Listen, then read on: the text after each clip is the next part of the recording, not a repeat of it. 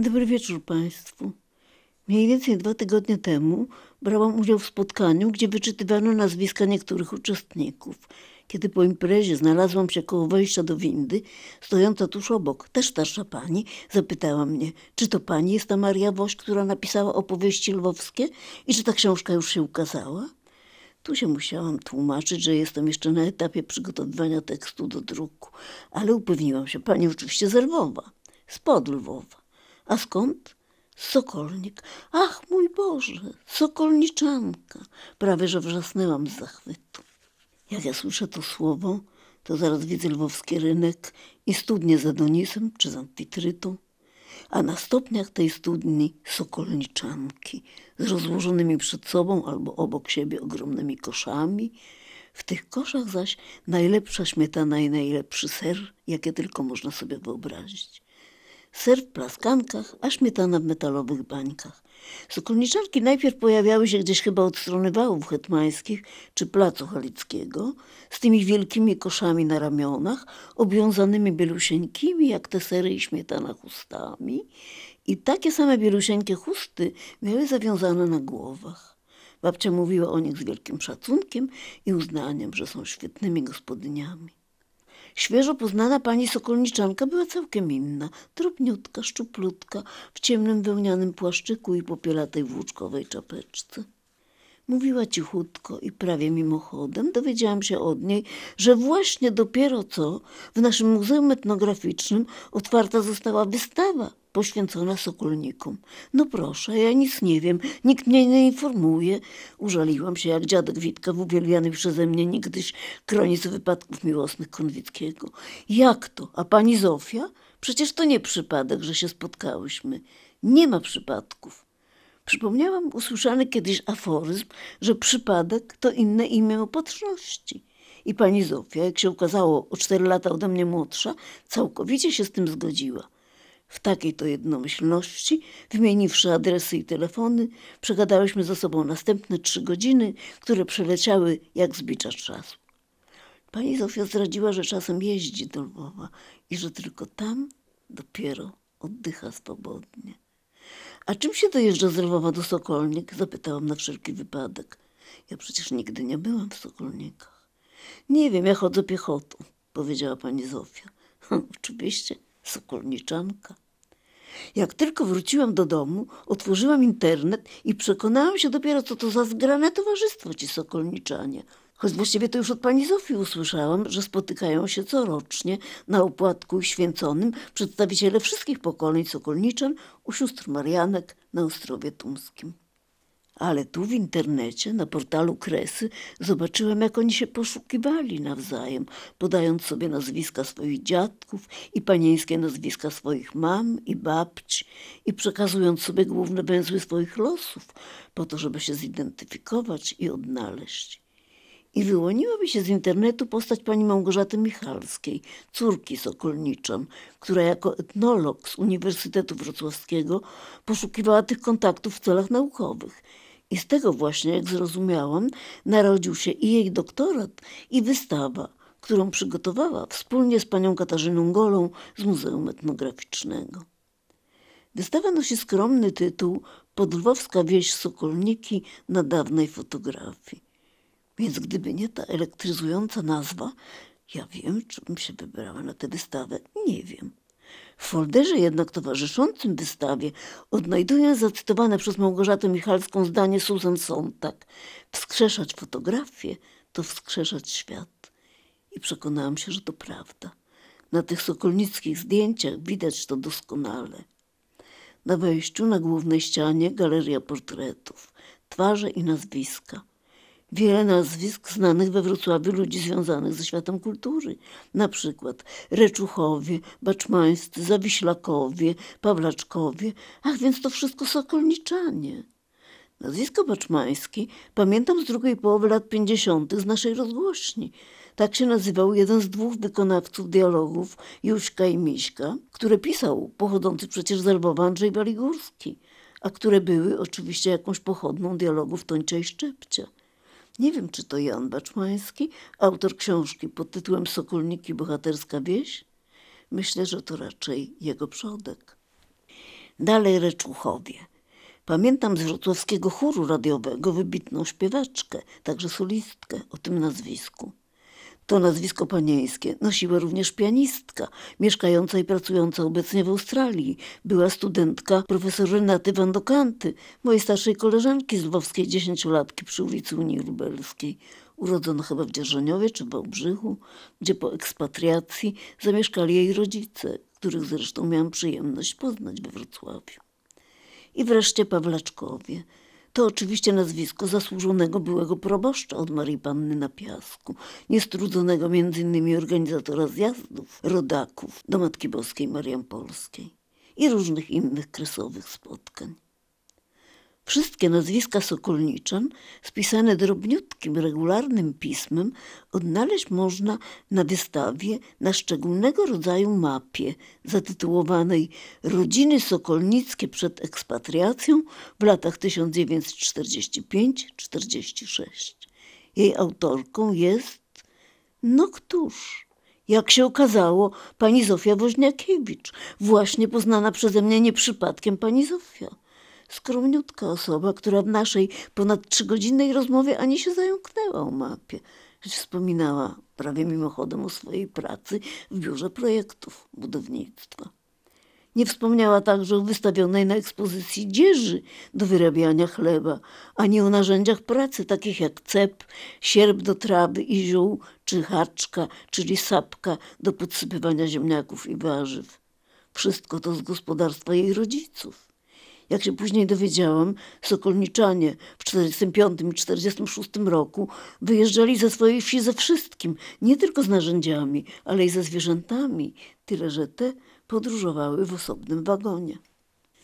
Na wystawie są także świadectwa szkolne Woźniakiewiczów, ale to już dalsza rodzina. A może i nie, może tylko zbieżność nazwisk, bo nazwiska się zresztą powtarzają, ponieważ sokolniczanie na ogół żenili się z sokolniczankami.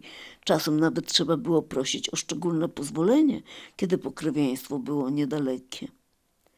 Ale żeby zawrzeć małżeństwo, trzeba było wykazać się także świadectwem moralności z urzędu gminy – więc z dokumentu z roku 1926 możemy się dzięki temu dowiedzieć, że Anna Kroczak, córka przez uzwykłe Tomasza i Magdaleny obrządku rzymskokatolickiego, zachowywała się przez przeciąg swego pobytu w tutejszej gminie wzorowo moralnie.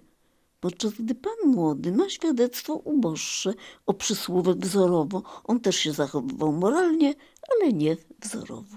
Jak to chłopak? Życie religijne udokumentowane jest bogato. Są fotografie z uroczystości pierwszej komunii, z odpustów, pielgrzymek i zjazdów. I tu znowu spotykamy znajomych. Młodziutkiego księdza Witantego Urbana, przyszłego biskupa wrocławskiego, czy księdza Stanisława Pawlaczka, urodzonego w Sokolnikach w roku 1940, a więc tu dopiero na zachodzie jako kapłana z krajanami z Sokolnik. Jego natomiast zasługą jest przechowanie i udostępnienie na wystawę Sokolnickiego sztandaru Związku Katolickiej Młodzieży Męskiej. Za to spotykają go tam wyrazy wdzięczności. Szczególne miejsce na wystawie mają zdjęcia pomnika dedykowanego bohaterom Sokolnik, poległym w obronie Lwowa 1918 roku i wojnie bolszewickiej 1920 roku pomnika odsłoniętego w roku 1938. Fotografie te mają wartość bezcennego dokumentu, tym bardziej, że wyryte są na pomniku nazwiska tych bohaterów. A w ogóle te fotografie są jedynymi dowodami tego, że ten pomnik w ogóle kiedykolwiek zaistniał, ponieważ łatwo zgadnąć, że on się zachować na swoim miejscu żadną miarą nie mógł. A jego historia jest szczególnie poruszająca. 11 listopada 1918 roku wspomina w swoim wstępie Małgorzata Michalska. Na tę rdzennie polską wieś napadli Ukraińcy z pobliskiej Sołonki, którzy spalili połowę domostw, zamordowali proboszcza, kierownika szkoły i naczelnika gminy oraz innych sokolniczan. Wówczas też zostało zniszczone archiwum parafialne wraz z dokumentami i przywilejami królów polskich.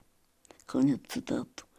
a przywileje te sokolniki otrzymywały od końca XIV wieku od Władysława Jagiełły, Władysława Warneńczyka i Zygmunta III. Pomnik upamiętniający tamte tragiczne wydarzenia i bohaterską obronę, ufundowany przez społeczeństwo sokolniczon, został właśnie zbudowany i odsłonięty oraz poświęcony w roku 1938. A w niespełna rok później przyszli do Sokolnik Sowieci. Zanim w roku 1945 zaczął się nasz egzodus z tamtych ziem, trzeba jeszcze było przeżyć zsyłki na Sybir. Są na wystawie trzy listy. Z Syberii, z drogi na tak zwane ziemie odzyskane i z emigracji do Brazylii. Tylko trzy, ale wybrane tak trafnie, że stanowić mogą syntezę polskiego losu. List z Syberii to pamiątka rodzinna samej pani Małgorzaty Michalskiej. Umierający szesnastoletni Staś dyktuje ostatni list. Pisze Marcjona Kurylec. Państwo Michalscy, wykrzyknik. 24 maja 1941 donoszę wam smutną wiadomość. Syn wasz, Stasio, nie żyje. Dziś o godzinie 2.30 z rana zakończył życie w tejże bolnicy, gdzie się leczył i ostatni list on mi dyktował i prosił napisać, gdy zakończy życie. Otóż spełniam jego prośbę.